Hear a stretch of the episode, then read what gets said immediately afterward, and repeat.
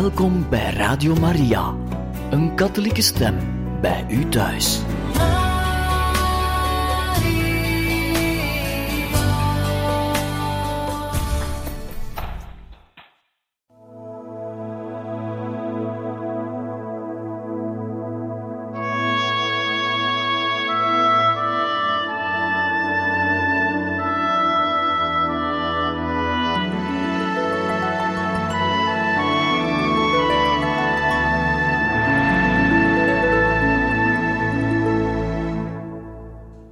Ondertussen zijn we aan het jaar 1942 gekomen.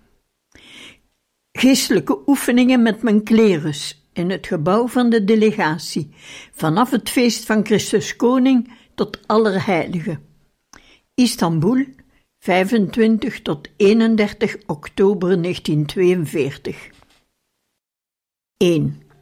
Verleden jaar kon ik de oefeningen niet houden, daar ik in opdracht van de Heilige Vader in Griekenland een caritatieve taak te vervullen had. Dit jaar zou ik mij gaarne opnieuw bij de Jezuïeten teruggetrokken hebben, zoals in 1939. Maar de redenen die het komen en gaan van mensen rond dat huis minder gewenst maken, duren nog steeds voort en maken de paters zelf onzeker en angstig. Derhalve besloot ik mij tevreden te stellen met de oefeningen hier in huis, zoals in 1935 en 37. Hiertoe nodigde ik ook de aartsbisschop van de Armeniërs, Kiredjan, uit en de ordinarius van de Grieken van de Byzantijnse ritus, Varuas. Deze laatste bracht drie geestelijke mee: de paters Basilio en Polycarpus en de diaken Haralampos. Hierbij voegden zich de hoofden van de drie rieten, Gami van de Melkieten, Fakir van de Syriërs en Nikolov van de Bulgaren. De bisschoppen en deze drie hoofden van de rieten blijven ook voor de maaltijd in het gebouw van de delegatie.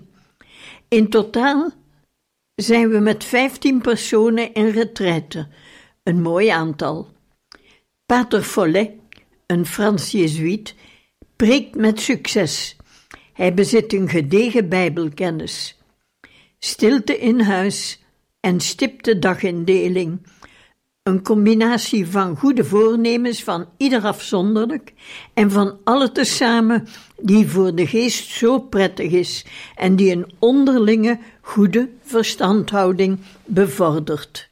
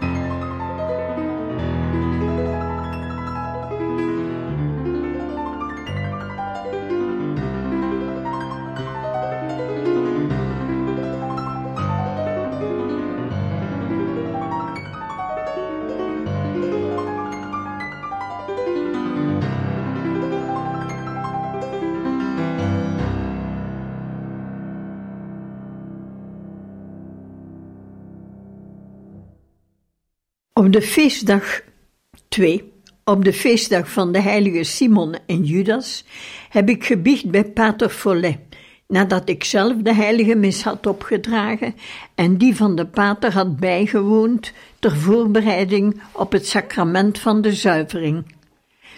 Mijn gewetensonderzoek en mijn schuldbeleidenis strekte zich uit over de twee afgelopen jaren, van december 1940 tot nu toe. Penitentie, het bidden van het Miserere en het Magnificat. Maar ik zal mij nog wel aan andere penitenties moeten gewennen, wanneer ik volgens eer en deugd de hemel wil binnengaan. Mogen de Heer mij hiertoe steeds meer sterken. De tijd van de grootste penitentie voor de gehele wereld is een aantocht. Het is billijk dat de bisschoppen en priesters voorgaan, zoals de heilige Carolus Borromeus en kardinaal Federico. Dit in de dagen van rampspoed deden. Zij liepen in processie blootsvoets, het touw om de hals, de boetegordel om het midden, terwijl zij de reliquie van het heilig kruis droegen.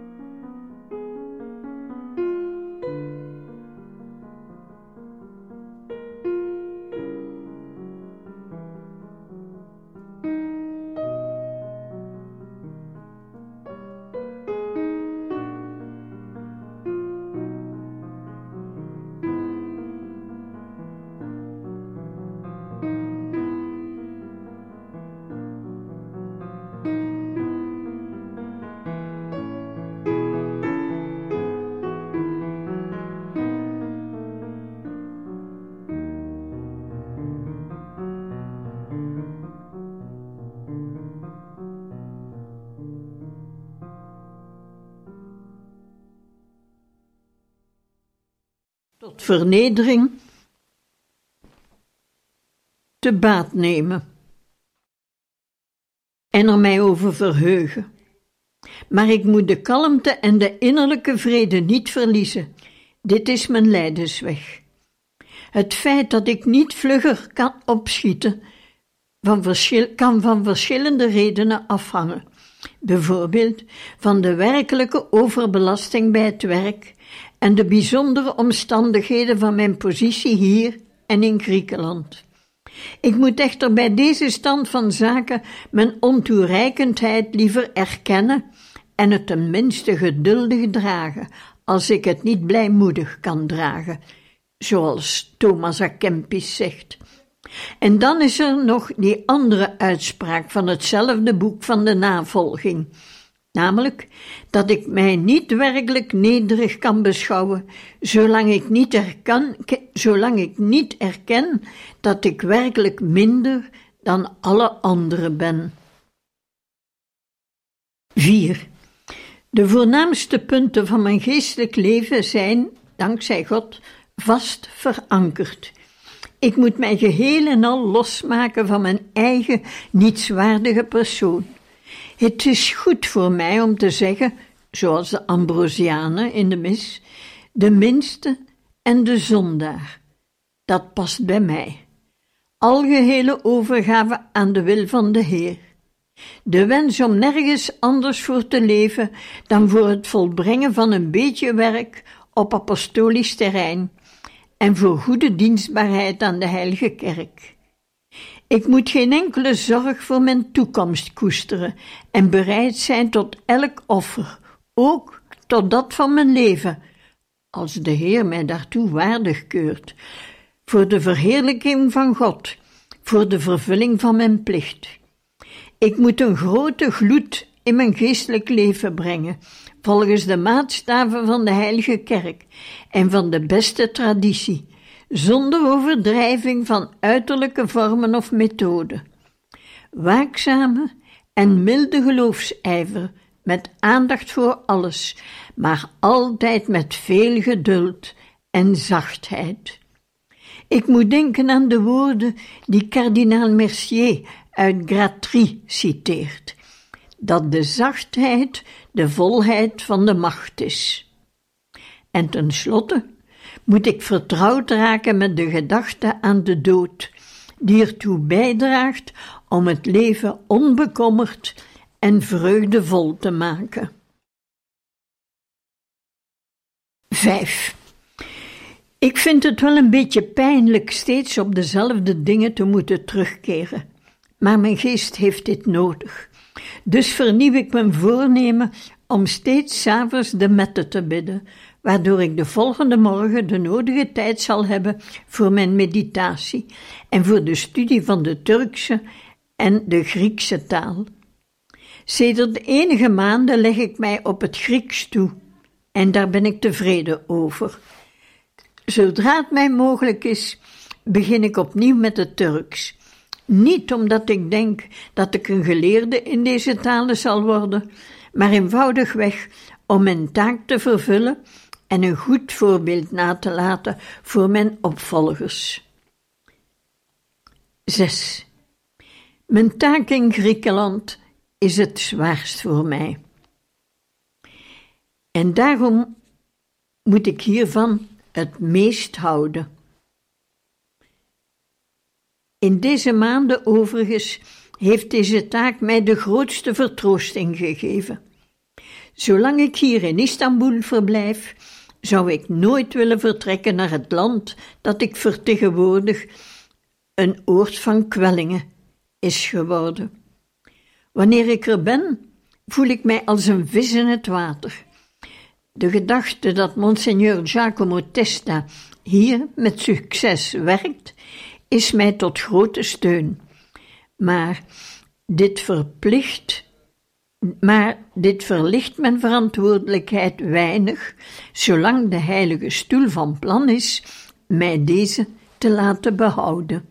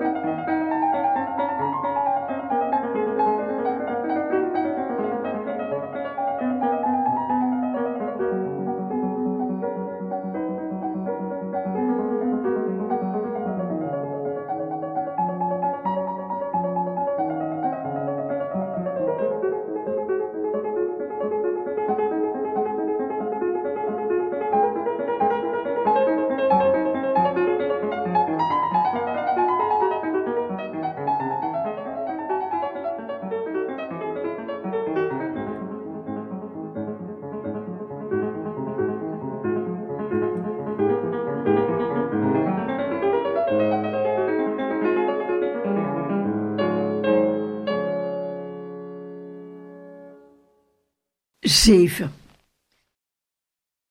De twee grote rampen die heden ten dagen de wereld vergiftigen, zijn het laïcisme en het nationalisme.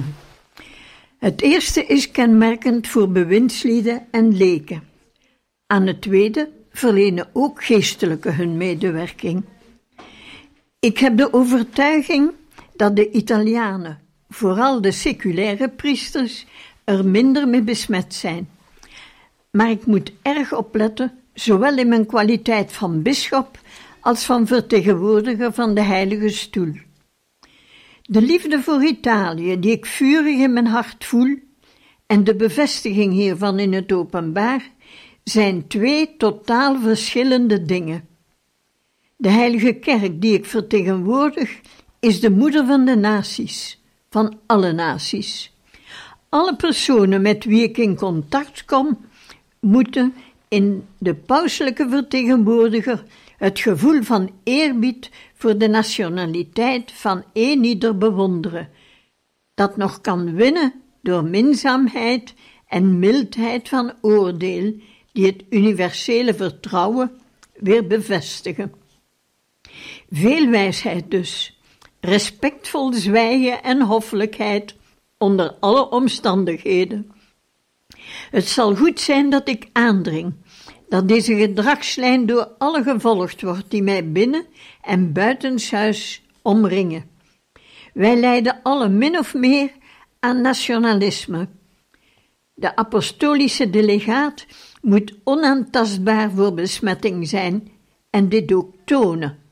Zo mogen God mij helpen. 8. Wij leven in een zeer bewogen tijd en voor ons staat de chaos.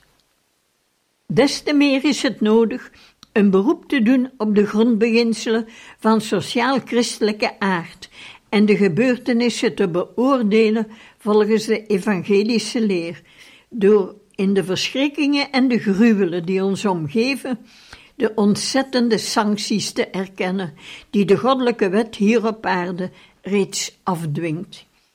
De bisschop moet in zijn visie en zijn interpretatie op gepaste wijze afstand kunnen nemen van een geschiedenisfilosofie en ook van de geschiedenis zelf, die thans bloedige bladzijden toevoegt aan de bladzijden van politieke en sociale wanorde. Ik wil de Civitate Dei van de heilige Augustinus eens lezen en heel diep in deze leer doordringen, om geheel alleen, ook ten overstaan van Hem die mij in zijn ambt benadert, met verhelderende en sterkende wijsheid te kunnen oordelen. 9. De goede pater René Follet die de oefeningen preekt en zich daarbij op de Heilige Schrift baseert, heeft deze bladzijde voor één keer in de steek gelaten om het beeld te geven van de volmaakte bisschop, met de woorden die de heilige Isidorus van Sevilla heeft gesproken ter ere van de heilige Fulgentius. Ik geef ze hier weer als vermaning voor mijzelf en ter herinnering van deze aan deze zegenrijke geestelijke bijeenkomst, mogen mijn leven de weerspiegeling van deze leer zijn. Hij die het volk voorgaat in het onderricht en in het brengen van het heil, moet in alles heilig zijn, en in geen enkel opzicht mag men een aanmerking op hem kunnen maken. Zijn woorden moeten zuiver zijn, eenvoudig en duidelijk, vol ernstige waardigheid en vol weldoende genade. Hij moet spreken over het geheim van de wet, over de schat van het geloof, over de deugd van zelfbeheersing, over de inhoud van de gerechtigheid. Hij moet iedereen aansporen met een woord dat aangepast is aan staat en stand, en wel zo dat hij intuïtief aanvoelt wat hij moet zeggen, tot wie hij het moet zeggen, en tegelijk ook wanneer hij het moet zeggen en hoe. Voor alles moet hij op een bijzondere wijze de schrift lezen, de kerkelijke wetten nagaan en het voorbeeld van de heilige navolgen. Hij moet zich meer dan anderen toeleggen op nachtwaken, vasten en gebeden. Hij moet met zijn broeders in vrede leven en niemand van zijn onderdanen uitsluiten. Niemand veroordelen tenzij na overtuigend bewijs. Niemand excommuniceren tenzij na rijp beraad. Hij moet in zijn bestuur de nederigheid zo laten samengaan met het gezag, dat hij door geen te grote nederigheid een voedingsbodem schept voor de tekorten van zijn onderdanen, noch zijn gezag met buitensporige gestrengheid trachten af te dwingen. Des te omzichtiger zal hij optreden tegenover zijn onderdanen, tegenover zijn onderdanen, naarmate hij zal vrezen strenger door Christus ondervraagd te worden. Hij moet ook in het bezit zijn van de liefde, die alle gaven te boven gaat, want zonder liefde kan geen enkele deugd bestaan. De liefde is immers de bewaakster van de kuisheid, en de plaats van deze bewaakster is de nederigheid. Hij moet onder meer ook de verheven kuisheid bezitten, zodat zijn geest vrij van alle onzuivere smetten aan Christus is toegewijd. Bovendien moet hij met meelevende vrijgevigheid zorg dragen voor de armen, hongerigen te eten geven, naakten kleden, vreemdelingen gastvrij opnemen, gevangenen bevrijden, weduwen en wezen beschermen, ononderbroken alle verzorgen en ongemerkt ieder van het nodige voorzien. Hierbij is de gastvrijheid zo voornaam dat hij alle met welwillende liefde moet ontvangen. Wanneer immers iedere gelovige dit woord uit het evangelie te horen wil krijgen, ik was vreemdeling en gij hebt mij opgenomen, dan toch zeker een bisschop wiens woning een onderkomen voor alle moet zijn. 1943 en 44 Aantekening Het jaar 1943 was vol onzekerheid wat betreft de retraite, die vastgesteld en voorbereid was voor het eind van 1944. De Lazarist Pater Levesque zou deze preken. Juist in de dagen voor kerstmis kwam de benoeming te Parijs. 1945 tot 1952 Pauselijk Nuntius in Frankrijk. 1945 Geestelijke oefeningen te Solem in de Goede Week van 26 maart tot 2 april 1945. Gedachten en voornemens 1. Wie op de Heer vertrouwt, zal niet te schande worden.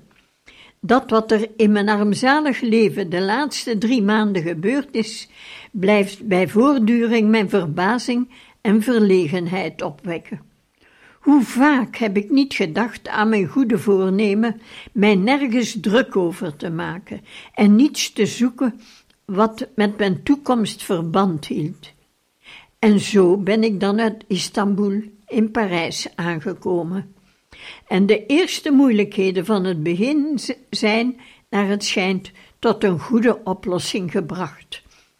Opnieuw heeft mijn spreuk obedientia et pax, gehoorzaamheid en vrede, mij zegen gebracht.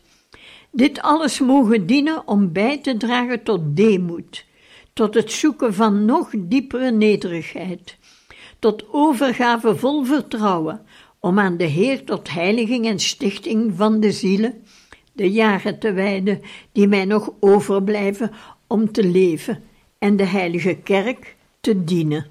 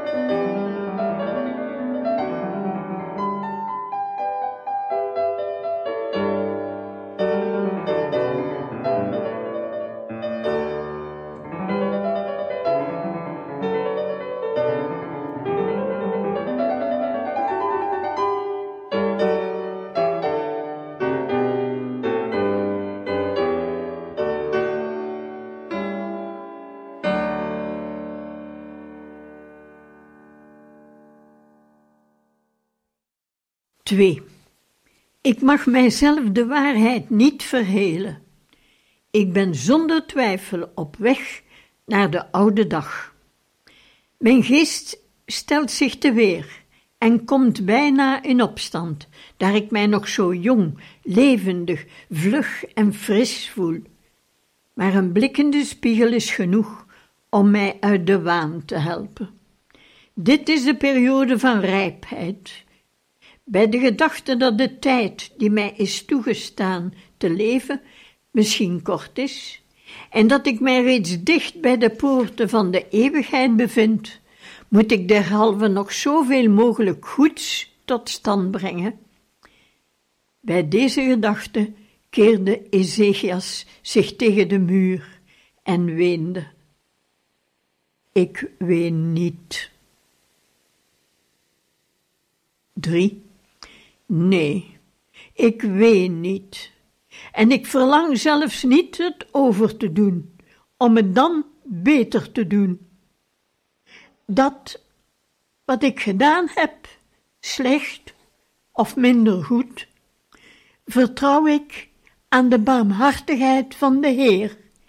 En ik kijk naar de toekomst, onverschillig of ik nog maar kort of lang op deze aarde te leven heb, omdat ik mijn toekomst geheiligd en heiligend wil zien.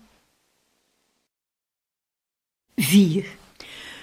Het goddelijk werk, het leven bij de Benedictijnen en het deelnemen aan hun liturgie van de Goede Week schenken mij een grotere ijver bij het bidden van mijn brevier. Nu ik erin geslaagd ben voor mijzelf een studeerkamer dicht bij de kapel te vinden, zal ik steeds in de kapel mijn uren bidden. De mette zal ik altijd s'avonds tevoren of s'nachts bidden, en ik zal speciaal bij de mette de kloosterregels volgen bij het opstaan en het gaan zitten. Ook deze uiterlijke lichaamshouding dient tot de geestelijke inkeer. Ik zal vervolgens een meer diepgaande studie maken van het boek der psalmen, om er meer vertrouwd mee te worden en er nog dieper in door te dringen. Hoeveel wijsheid en hoeveel poëzie schuilt er niet in psalmen. 5. Om alles de nodige eenvoud te verlenen, zal ik mij bezinnen op de theologische en kardinale deugden. De eerste van de kardinale deugden is de wijsheid. Hiervoor moeten pausen, bisschoppen, koningen en bewindvoerders strijd voeren, en daarbij worden ze dikwijls overwonnen. Dit is de karakteristieke deugd van de diplomaat. Ik moet er een speciale studie van maken.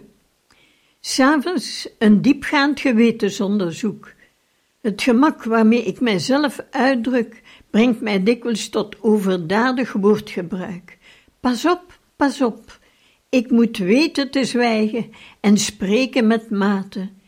Ik moet mij weten te onthouden van het oordelen over mensen en richtingen, voor zover dit mij niet door mijn superieure en grote noodzaak wordt opgedragen. Ik moet bij alles liever te weinig dan te veel spreken en bang zijn om te veel te zeggen, en daarbij denken aan de woorden van lof die de heilige Isidorus van Sevilla aan de heilige Fulgentius wijdt. En ik moet speciaal letten op het onderhouden van de naastenliefde. Dit is mijn regel.